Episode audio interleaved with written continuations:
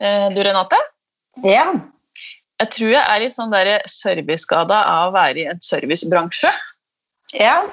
For, det, for når jeg er i butikken, så blir jeg så utålmodig hvis ikke jeg får liksom hjelp innen en viss tid og uh, må sitte og vente og ting ikke går sånn på skinner i butikken.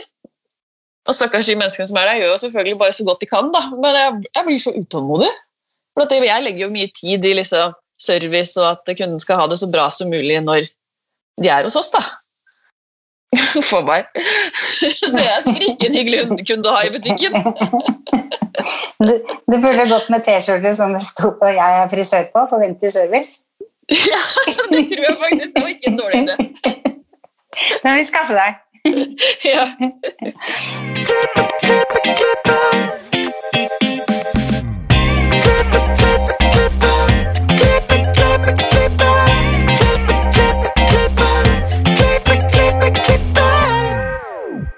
Velkommen til Hårpodden, jeg heter Renate. Jeg heter Ann-Marit. Hvordan har uka di vært, Renate? Uka mi, den eh, Jeg har jo vært hjemme eh, i noen uker, så jeg får litt mye tid til å tenke over saker og ting. Og da går jeg mye og tenker på korona. Tenker på det jeg syns er positivt med korona, istedenfor alt som er negativt med korona. Smart. ja. Bra For vinkling. Ja, men, ja fordi at det, det er jo litt sånn Jeg tenker eh, er, det- Det er jo litt greit å kunne stå i matbutikken og ikke stå og puste hverandre i nakken. At den som står bak deg, er irritert for at du ikke taster koden din fort nok på automaten og forsvinner med matvarene. Den er til deg, da. Ja, for meg. Ja. Nei, da. Eller, eller det å liksom bare sånn som når korona kom, så blomstra det over på alle Facebook-sider og Instagram hvor man hjalp hverandre. Oslo hjelper nabo, Oslo lufter hund. Og ikke sant, at man stilte opp for hverandre. Og jeg syns det er litt hyggelig at man faktisk kan handle for naboen sin, f.eks. Eller dra på apoteket for naboen sin. Eller om det er på Vinmonopolet, så lenge man har bein som funker, og armer som funker. Eller eh, faktisk sånn som eh, det stressnivået som har vært. Det har jo blitt mye mindre hjerteinfarkt. Har du det? Eh, Man stresser ikke like mye med press til og fra jobb og med unger på trening og Ja. Det, de sier at hjerteinfarktraten har gått ned, og det er kanskje ikke så rart. for tenk Hvis du har tre unger og du har to-tre hobbyer hver, og du skal rekke hjem fra kontor eller altså rett og slett rekke hjem fra jobben, så skal du innom butikk, og du skal mate unger, og du skal ut på trening, og du skal hit og dit. Du får jo en tidskvote, ikke sant? Mm. som er vanskelig å fylle opp. Og samtidig så er det kanskje vanskelig å være hjemme og hjemmekontor hvis du har to-tre små som flyr hit og dit. Og... Men igjen så tenker jeg det er jo, du er ganske heldig stilt da, som får lov til å være hjemme med ungene dine langt mer enn du vanligvis er. Man får familietid. Jeg tenker at kanskje ikke skilsmissestatistikken har gått opp, jeg tenker den kanskje har gått ned. For at man får mye mer tid til hverandre og finner liksom ny spirit i ekteskap og forhold, egentlig. At man setter mer pris på hverandre. Kanskje sitter du på hvert ditt soverom og gjør kontor, og så går du ut og spiser lunsj på kjøkkenet sammen. Hvor ofte har du mulighet til det? Ja, det kan du si. Nei. Det er jo egentlig ganske fint. Og på miljøet, f.eks. De som flyr, som flyr 250 dager i året, og som plutselig har skjønt at vet du hva, nå er det noe som heter Teams, vi kan spare verden for masse utslipp. Det er jo kjempefint. Mm. For ikke snakke om de fruene som sitter hjemme, som vanligvis har en mann som bor 250 dager på hotell. som Plutselig kan ha mannen sin hjemme. Det kan være ganske hyggelig. Mm. Kan man reise på hytta en helg og gjøre Teams-møte der, altså så lenge jobben blir gjort. Det er, jeg synes ikke det er så ille. Bortsett fra folk som dør, og de som blir syke for Ja. langtidsvirkning, så er det jeg synes Man må liksom prøve å se det lyse på det. For hvis du bare skal sitte og se på nyhetene og bli redd og skremt og få vite at du får angst hvis du gjør si og så, da får du jo angst, og så får du angst for angsten. Så? At man kanskje prøver å finne lyspunkter og se det positive i det. Ja, så kan ikke jeg stå på jobb med alt rundt meg, men jeg har faktisk dokkehodestativ hjemme og kan stå hjemme. Jeg kan flette bonusdattera mi og dattera mi hvis jeg har lyst til det. Altså, det er ikke helt kjørt. Vi har det egentlig ganske fint. Mm.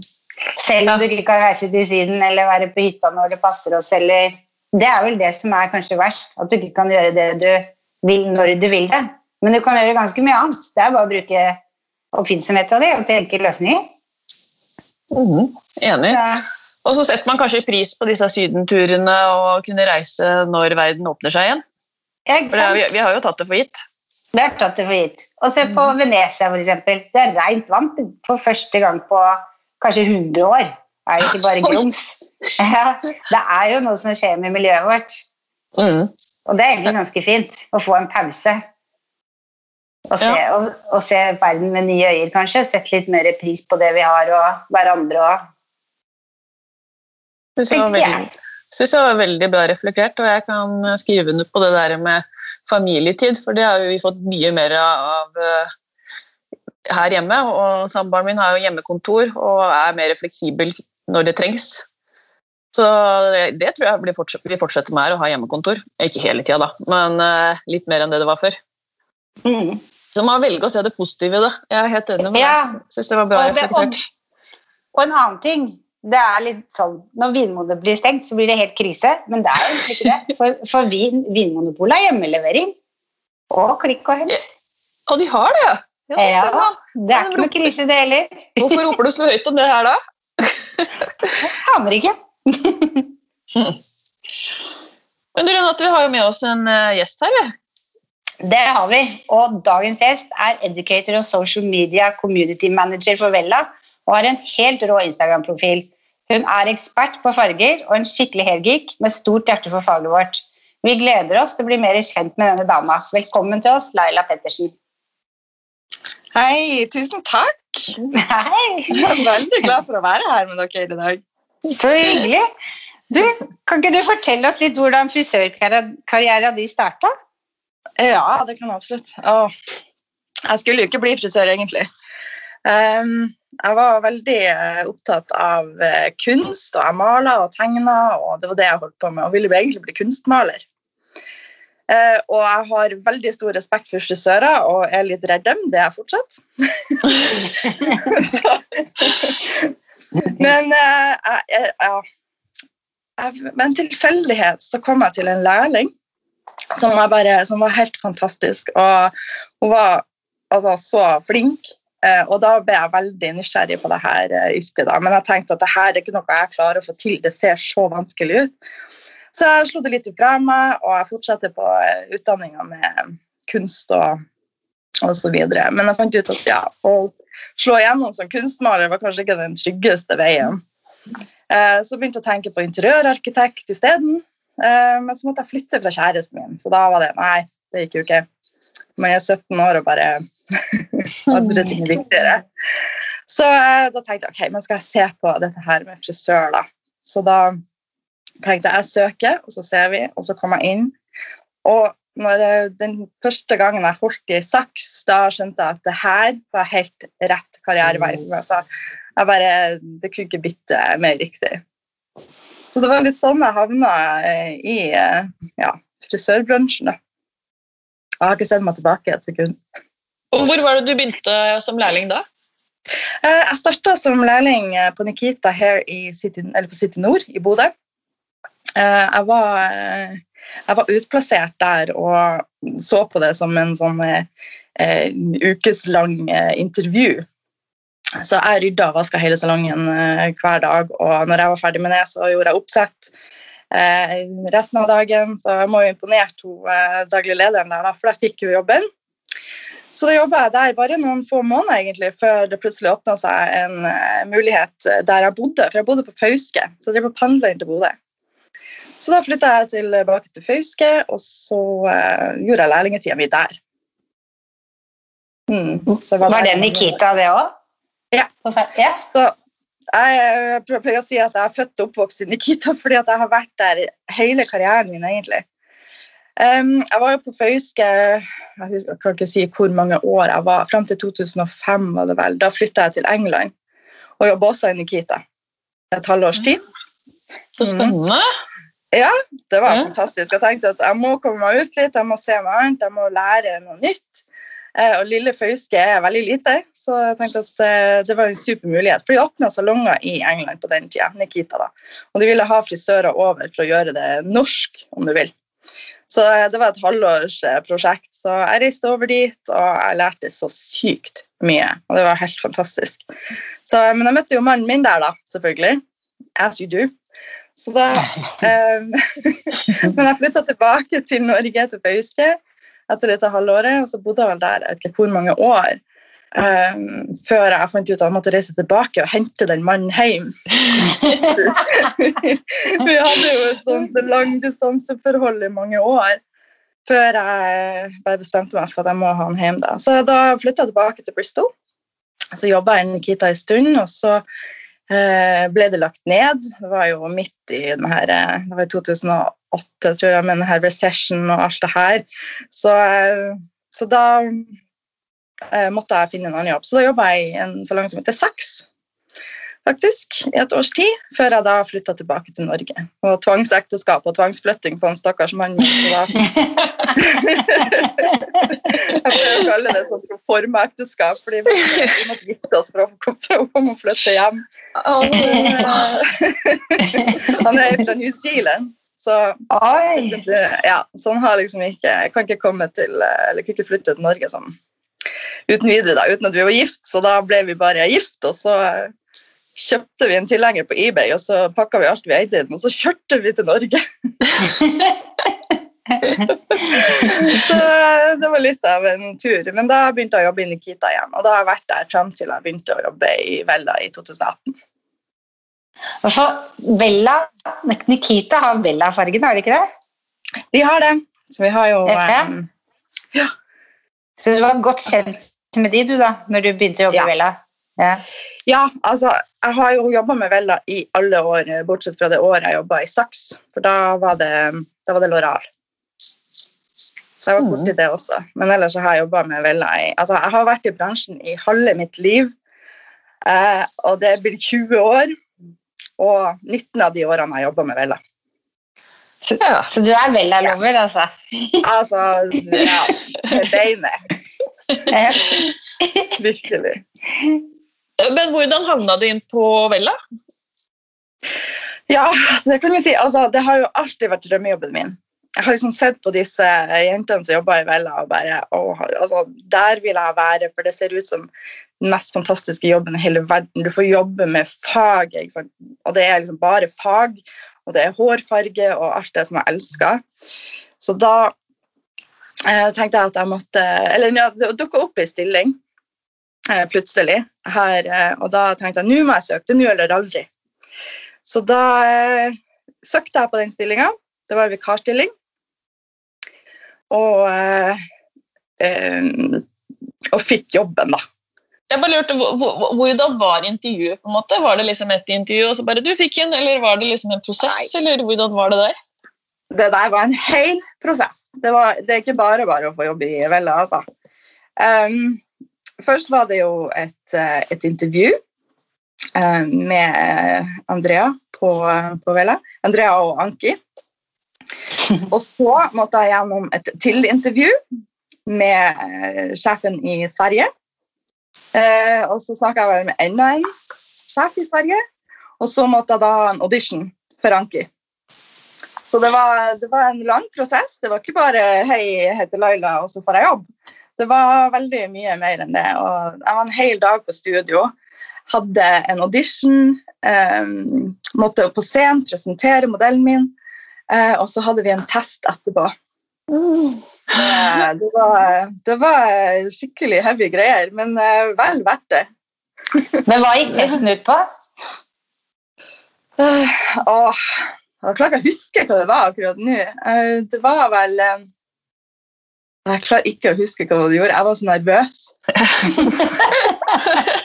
Men jeg mener det gikk ut på litt av, eh, litt av Vella og far Nei, jo, nå husker jeg det. Det var fargeteori. Det var det det var. Det var fargeteori og eh, ja. Ja. Så eh, virkelig vise at det, du kan det du snakker om. Det, det kan du jo. Når, når du har jobba med fargene i 19 år, så sitter de Ja. rimelig bra.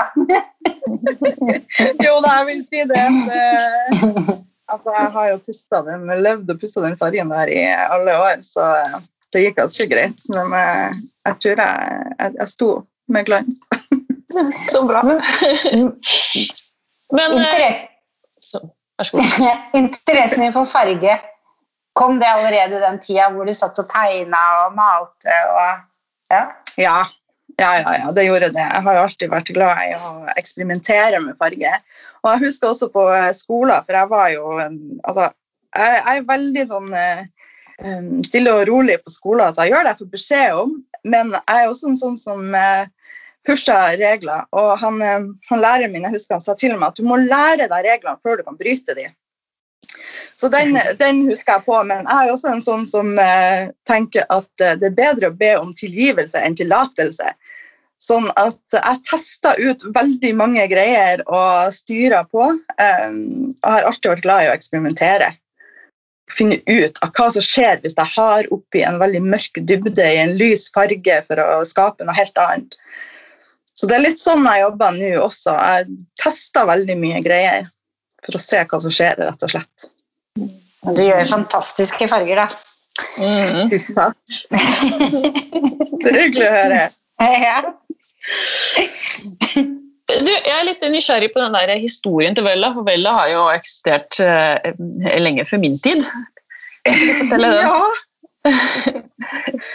Den er jo en eh, veldig Altså, den er en lang historie og med veldig mye greier. Jeg måtte eh, sette meg ned og skrive ned litt. Grann. For det er jo Åh, ja. Det starta jo allerede i 1854, hvis jeg husker helt feil. Synes jeg. Ja, 1854. Da ble Frans Strøher født i Tyskland. Og det var han som starta Vella. Eh, han utdanna seg til frisør og holdt på med eh, parykker og hårdeler. Det var det han begynte med. Og etter hvert så ble det permanent, ikke sant. Eh, det var det han styra med. Og rundt 1924 til 1927 så registrerte han og sønnen hans eh, navnet Vella. Eh, som kommer fra Dauer Vella-apparat. Nå kan ikke jeg snakke tysk, men det betydde da et permanent krølleapparat. Så det er Vella kommer ifra. Hmm. Ok. Så, ja. så det, altså, denne historien er jo lang og innvikla, men det som overraska meg mye, det var jo at eh, Blondor kom allerede i 1924. Altså bleiking. Oi. Oi. Mm, 1924 kom den. Eh, og på 50-tallet så kom den aller første krembaserte hårfarga, Og sånn som vi kjenner den i dag. Det var Vella som eh, kom med den. Um, altså koleston. Eh, og i 1960 så var det også Vella som starta, eller sett, kanskje kickoff for eh, eh, produktsalg. Når de lanserte et, eh, et produkt for hjemmebruk da, som heter Vella Privat. Så eh, altså, Lang historie kort, kan jeg si. Men eh, det som er veldig kult med Vella, da, er jo at eh, det gjør ting veldig ordentlig. Vi har jo et forskningsinstitutt eh, i Darmstadt der alt blir eh, forska på og laga. Og man kan liksom være helt trygg på at det som kommer derifra, er bra. Så det er det jeg kjenner meg veldig. Det, det, er, så, det er så stabilt og ordentlig. Mm. Har du vært, vært der? Nei, jeg har ikke det. Det er nok en uh, liten drøm om å få reise dit en gang. En gang. Jeg har vært og rota i eh, min svigermor sitt gammel fotoalbum i helga. Hun det sitter masse hårmodell. Både sånn på NM og VM og sånn. Og hun har faktisk vært på en fabrikk i Tyskland som Vella hadde. Ja. For ja, det, det var da hun var ung, da. Nå er hun godt voksen. Det kjenner jeg oss litt misunnelig for, når hun har sagt hvordan det var å gå inn der og se. Ja. Og har det har aldri jeg fått noe tilbud om. Nei. Ja, men det må være fantastisk å se hvor ting blir til, altså. Så, eh, Mhm. Det er nok en drøm jeg har om å få lov til å reise dit en gang. Absolutt. Ja. Nei, altså den historien til Vella, den er jo eh, den er jo veldig fin. Altså, den er jo så gammel. Tenk at du var først med veldig mange ting. Ja. Så, eh, en annen ting som jeg kan bare nevne som med Vella, er jo at i 2011 så starta Vella og Unicef et samarbeid. Eh, Det heter Making Waves. Og dette her fikk jeg være med på for noen år tilbake. og Da reiste jeg til Brasil Så dette er et program som er for eh, vanskeligstilt ungdom. Eh, som Ja. For å få dem ut i jobb, da, på en måte. Så det programmet de hadde, var jo selvfølgelig for frisører. Så vi var der i tre uker. Lærte dem å klippe og farge og style. Og Så gøy! Ja, det var fantastisk og utrolig sterkt. Um, og det er jo et minne som jeg har med meg fortsatt. Og jeg har fortsatt kontakt med disse ungdommene, og mange av de gjør det veldig bra og jobber som frisør i dag. Det er ungdommer som kommer fra fordelene, som ikke har hatt noen ting. Så, Men jeg kjenner for gåsehud. så Ja. altså, jeg gjør det sjøl når jeg tenker på det, for det, det, altså, det var så utrolig bra. Skikkelig bra. Så um, den finnes jo inni det programmet her, men jeg var satt litt på brems nå, tenker jeg. Ja. Å, så Ja. bra. mm Jeg bare lurer på en ting. Hva innebærer det å være social media community manager for Vella? Det var veldig fancy tittel. Uh, ja. altså, med, altså, dagen min består egentlig av å eh, være på Instagram. Jeg er veldig mye på Instagram. Eh, jeg ser etter bilder som jeg kan bruke på Vella Nordic, for det er egentlig det jeg gjør. Jeg sitter på Vella Nordic, jeg lager kalenderen for Vella Nordic sammen med min kollega i Sverige. Så jeg planlegger hvordan kalenderen skal se ut gjennom hele måneden. Og så leter jeg etter bilder og videoer og reels som jeg kan bruke der. Så er det jo å skrive captions til disse, og det er også å snakke med folk som er på altså i, i, som sender meldinger, som kommenterer og ja. Så det er egentlig det jobben min som eh, social media community manager går ut på. Men så har jeg jo også en del, jeg lager en del content også. Så jeg har modeller og lager hår i forhold til eh, hva vi skal gjøre i eh, Hva som er tema da, for, for måneden. Mm. Det er rett og slett en, full, det er rett og slett en fulltidsjobb Ja. som, du sitter, som du får til å sitte og surfe. Det er ganske fantastisk. Nei, det er jo eh, Altså Drømmejobben min var jo utgangspunktet å jobbe som tekniker for Vella. Og denne her jobben dukka jo opp i mai i fjor. Det var jo en de oppretta pga. korona. Fordi at nå ble det mye mer behov for uh, social media. Sånn at, uh, og jeg visste jo at dette her var min nye drømmejobb. For jeg har jobba mye med Instagram de siste årene. Så uh, når jeg fikk lov til å jobbe med dette her på fulltid, så altså, det kunne ikke blitt bedre. Se på fint hår hele dagen. Det er ikke sant? Så, så det, er, eh, ja, det er bare et år siden dere hadde en så stor stilling til dette her og tok sånn ordentlig grep på sosiale medier, for å si det sånn. Ja. Hva Mm. gjorde dere før det? Var det litt sånn tilfeldig, eller hadde dere system på det den gangen da? Ja, det hadde ganske bra system på det. Vi hadde jo én person stakkar, som satt øh, og øh, styrte Vella Nordic og Facebook og alt det her fra Sverige, så hun var jo fullstendig overarbeid. Hun klarte jo ikke å svare på alle meldingene. Så det var jo derfor de skjønte at nå må vi få inn en til person som kan hjelpe til her.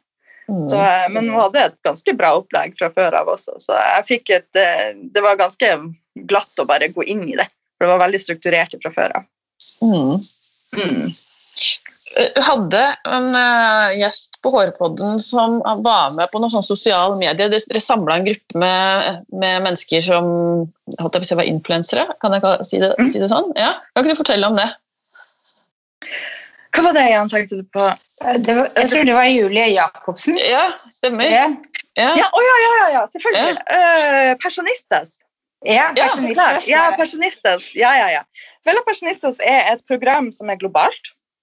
Eh, vi har jo pensjonistas i, eh, i veldig mange markeder akkurat nå. eh, og vi har jo, våre pensjonistas er fra altså Norden. Så vi har to i hvert land. To fra Norge, to fra Finland, to fra Sverige og to fra Danmark. Julie Jacobsen er jo en del av de norske pensjonistene.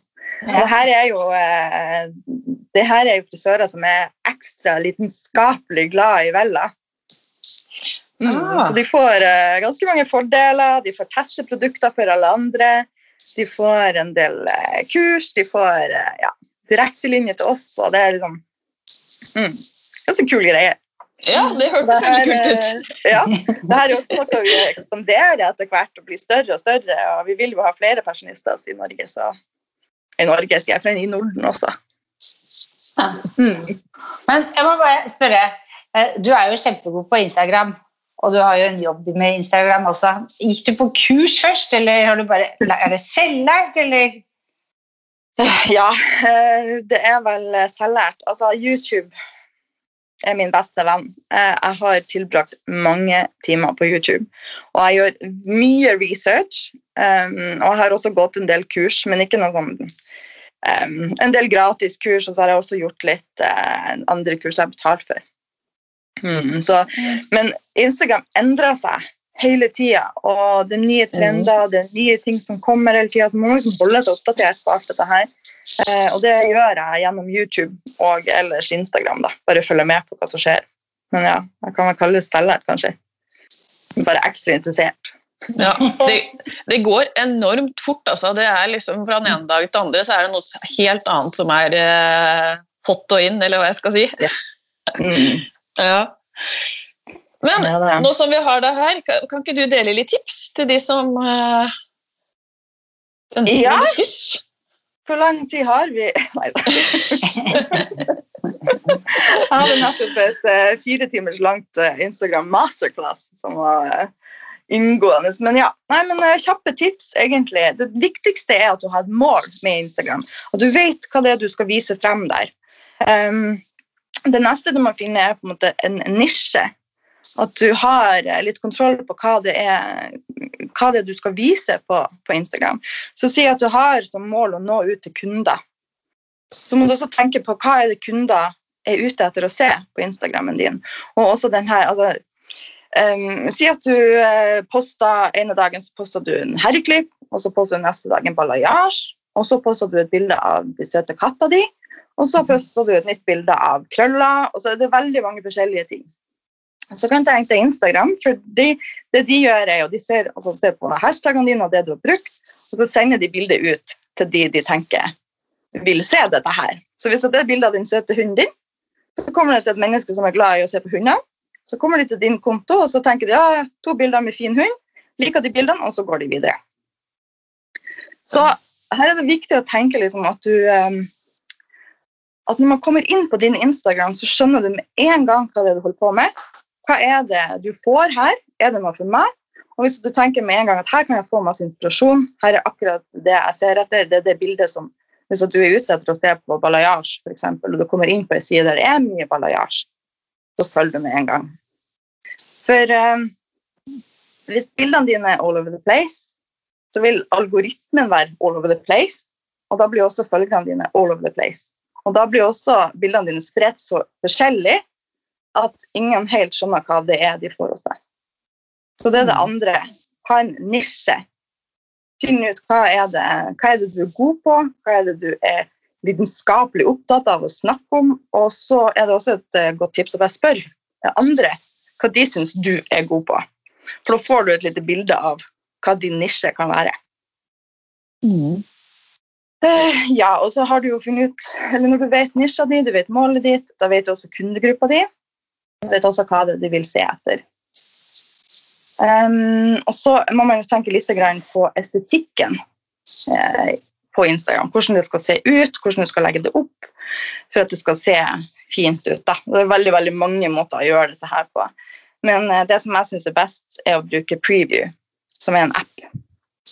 For der kan du laste opp alle bildene dine, og så kan du flytte om på dem. Så du får en, eh, en pen estetikk, da. Men eh, når det er sagt, så er ikke det det aller viktigste lenger med Instagram. Jeg føler at nå kan det godt være litt eh, eh, Når du kommer inn på Instagram, så kan det være litt, eh, litt rotete om du vil, men at det er ting som du har lyst til å trykke på. Så jeg ser at eh, bilder der du har f.eks. en kam gjennom håret, du har en, liksom, en action-shot der det er ja, altså At du ser noe skjer, at det ikke bare er et blankt, vakkert hår. Så får man lyst til å trykke på det litt mer. Mm. Så det var noen få til. Nå ble jeg sittende og tenke her. Så bra. Ja, for En rød tråd den er, var veldig, veldig, veldig, veldig logisk. Når det, men estetikk, da tenker du på at det ser liksom sånn behagelig å se på hvis du scroller Ja. gjennom hele feeden. ikke sant? Ja, ikke sant. Og det her kan du jo tenke på altså, Jeg har jo min greie med tre bilder etter hverandre med en sånn inspirasjons i midten. Det trenger aldeles ikke å være sånn, men det du kan tenke på at du har en bakgrunn som er lik, eller i hvert fall har en slags eh, mønster på bakgrunnene dine. Eller ikke, ikke mønster i sånn forstand, men kanskje du har en mørk bakgrunn, en litt lysere, en mørk igjen. At du kanskje kjører et sånn sjakkbrettopplegg, f.eks., men at det ikke blir en rød bakgrunn eh, ute, hvit bakgrunn, eh, salong i bakgrunn. Altså at du har en, eh, en rød tråd gjennom det, for det vil binde sammen Instagrammen din også. Mm. Mm. Smart. Ja, det er veldig mange sånne Men at man tenker litt farge, og altså, at du får en, en estetikk som passer som er personligheten og brandingen din. At du har laga deg en brandfarge, da, for eksempel. At du kanskje har det på eh, highlights, eller ja, også på ditt profilbilde, som er, kan være i samme estetikk, da. Mm. Mm. Hmm. Prøv å bremse meg sjøl litt. Ja, veldig. Jeg er veldig engasjert når det gjelder dette her. Jeg kan snakke om det i timevis, men jeg syns det er kjempeartig. Det er det virkelig. For din, din Instagram er jo helt, helt nydelig. Og du, jeg ser jo du, du tar jo elementer som du liksom sammenligner hårfargen. Dette er inspirert av. Hva, hva, når begynte det? Hvor har du fått den ideen fra?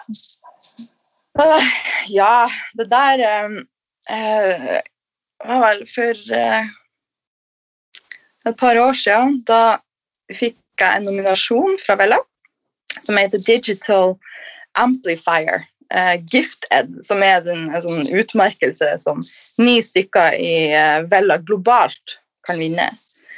Um, Og da var utfordringen Ja, så det var en sånn Eller de skulle følge Instagrammen min i to måneder. Um, og så eh, ja, kunne vi vinne da, det her Gifted. Så da la jeg meg skikkelig i sela for å finne ut Nå Så sånn, nå må jeg finne ut hva er det egentlig jeg holder på med her. Jeg må lage en litt mer eh, opplegg med Instagrammen min. Um, og så har jeg jo jeg har en liten tass på eh, fire år som jeg bærte i sånn bæresjal. Um, og disse bæresjalene, de er jo eh, Jeg vet ikke om dere vet noe om de, men de er altså veldig mye forskjellig. Du har håndvevde bæresjal, og det var jo det der jeg endte opp til slutt. Og da kan du bestille deg um, eh, det heter custom made, og da sender du også med et inspirasjonsbilde med fargen du vil ha, med tekstur, med alt dette her, og så velger du eh, om du vil ha silke eller bomull eller merinoull eller ja, osv. Så, så det der litt det her med For at fiber er jo litt det samme som hår. Så tenkte jeg hvordan kan jeg få det her til å eh, bli noe samme, da. Så da begynte jeg å jobbe litt og se litt på Pinterest og se på teksturer og tenke hvordan kan jeg få det her fargen i et hår, og hvordan kan dette bli. Så det begynte litt sånn. da, så til med så hadde jeg bare et inspirasjonsbilde i, eh, i midten. Gjorde det et par ganger, det gikk ganske bra. Og så etter hvert så begynte jeg å legge på eh, et hårbilde og oppskrifter. Og det var jo de postene som fikk aller mest oppmerksomhet, så da skjønte jeg at her, nå har jeg funnet noen ting. Så, for jeg tror, altså Frisører er jo veldig visuelle. Mm. Du vil, altså, du vil liksom klare å sette ting i sammenheng. og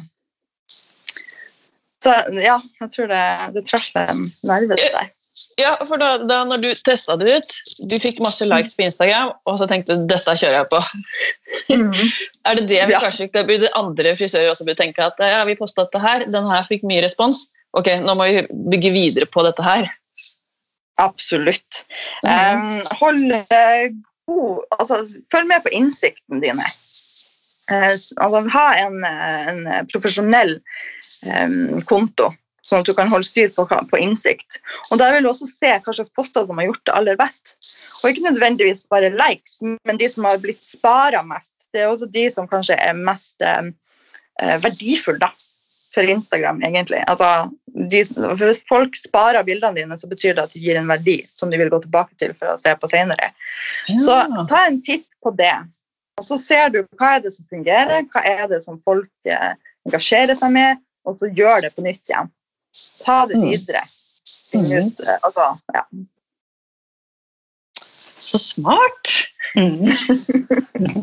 Nå er det kjempesmart. Jeg har ikke tenkt, tenkt tanken i det hele tatt, men kommer til å tenke på det nå framover, kjenner jeg. Så bra. Så. Men du, Laila, vi har noen faste Ja. spørsmål til deg også. Vi. Klart. Har du noen tips til andre frisører som vil opp og fram? Ja, det har jeg. Um, altså, jeg tror det viktigste er at du har et åpent sinn. Vær fryktløs. Prøv deg fram. Test ting. Ha modeller og finn ut av hva som fungerer. Eh, og hvis du snakker om hva, om du vil opp og frem på Instagram f.eks., um, så er et annet tips der bare ha, um, se på det som er i fiskestang. Instagram. Altså, det agnet du har på den fiskestangen, er de kundene som du får inn i salongen. Så hvis du har lyst til å gjøre vivids, altså rosa og pastellfarger, så få inn en modell som gjør dette her, og legge det ut. Så vil du se at du kommer til å få disse kundene. Så med Instagram så er det det viktigste. Men ellers så tror jeg at du må bare ikke være redd for å feile. Det er der du lærer aller mest, og det har jeg gjort mye. Det er veldig mye prøving og feiling. Så det, som, det du ser på Instagram, det er ofte et produkt av eh, alt mulig rart. så man må bare teste og prøve ut. Eh, og så tror jeg man må, ha, altså man må tenke at man aldri er utlært. Man må lære hele tida. Og sånn er det i frisørfaget, altså. Mm. Hva inspirerer deg? Jeg blir inspirert av veldig mye forskjellig, egentlig. Um, naturen i hovedsak. Jeg er veldig opptatt av havet. Uh, så der får jeg mye inspirasjon. Men jeg tror min, det meste av min inspirasjon kommer rett og slett eh, fra min egen fantasi. Og det her skjer veldig ofte når jeg har gått og lagt meg. Det samme jeg legger hodet på puta, lukker øynene, skal sove, så begynner det å ramle masse ting i hodet mitt. Eh, og jeg ligger og tenker og tenker, og tenker, og noen ganger så må jeg rett og slett stå opp for å skrive ned, fordi det er så mye eh, som skjer. Jeg tror at eh, det er liksom, man er så mye på sosiale medier, man blir fôrer med så mye hele tida, og det er vanskelig på en måte å, å bli inspirert hele tida. Så jeg tror at de gangene du bare slår av, det er da hodet begynner å virke igjen. Så ja. Så også inspirasjon altså Pinterest. Jeg er mye på Pinterest. Og det her med tekstur og sånne ting, og farger. Så hvis jeg noen gang står fast med en kunde eller med med en modell, så går jeg gjerne på Pinterest, skriver inn hvis jeg skal gjøre noe rosa, da. altså pink aesthetics. For da kommer det opp veldig mye sånne moodboards, rett og slett.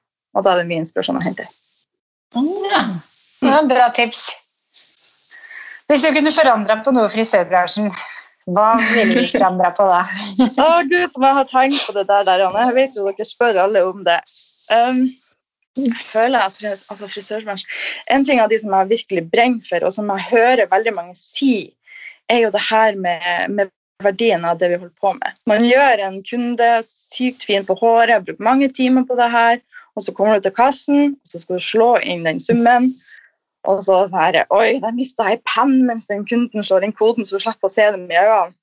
Det her jeg er så Ja, men det, det som jeg er akkurat sånn selv, når begynner å snakke om eh, hva det her koster, så får jeg helt sånn Jeg har jo stått her og lagt sjelen min i dette håret og laga et kunstverk, og så skal man ta betalt for det etterpå, og du føler at du er venn med denne kunden. Og... Men jeg tror vi må legge fra oss alt det der og bare tenke at vi gjør en så sykt bra jobb, og vi skal ta betalt med stolthet. Og det at også man skal se på frisøryrket som en eh, altså, hva skal jeg si, på et yrke på samme nivå som snekkere og rørleggere. Altså, de gjør det de skal, og så legger de regninga på bordet, og så går de. Det er helt normalt. Og da tar du å tenke over hva du egentlig betaler for.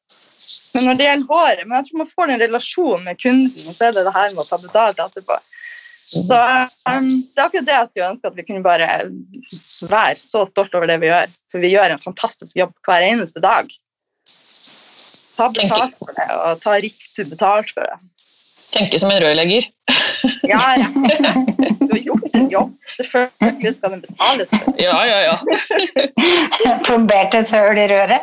Ja, ja, så Man vet ikke hva de holder på med engang. Ikke det man kan holde på med. og Bare, ja, ja.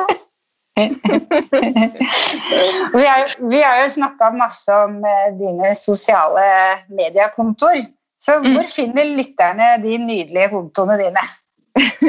Takk. Uh, Laila.mella heter jeg på Instagram. Jeg har også en TikTok som heter Laila Pettersen. Så, Men uh, jeg er nå der. Må gjerne komme og si hei. Tusen takk for at du var gjest hos oss og delte din historie og vi fikk litt Insta-tips her. Bare hyggelig. Og gi oss stjerne, stjerne på iTunes, og følg oss på Instagram og Facebook. Harpoden og Hårpodden. Vi høres neste uke. Ha det!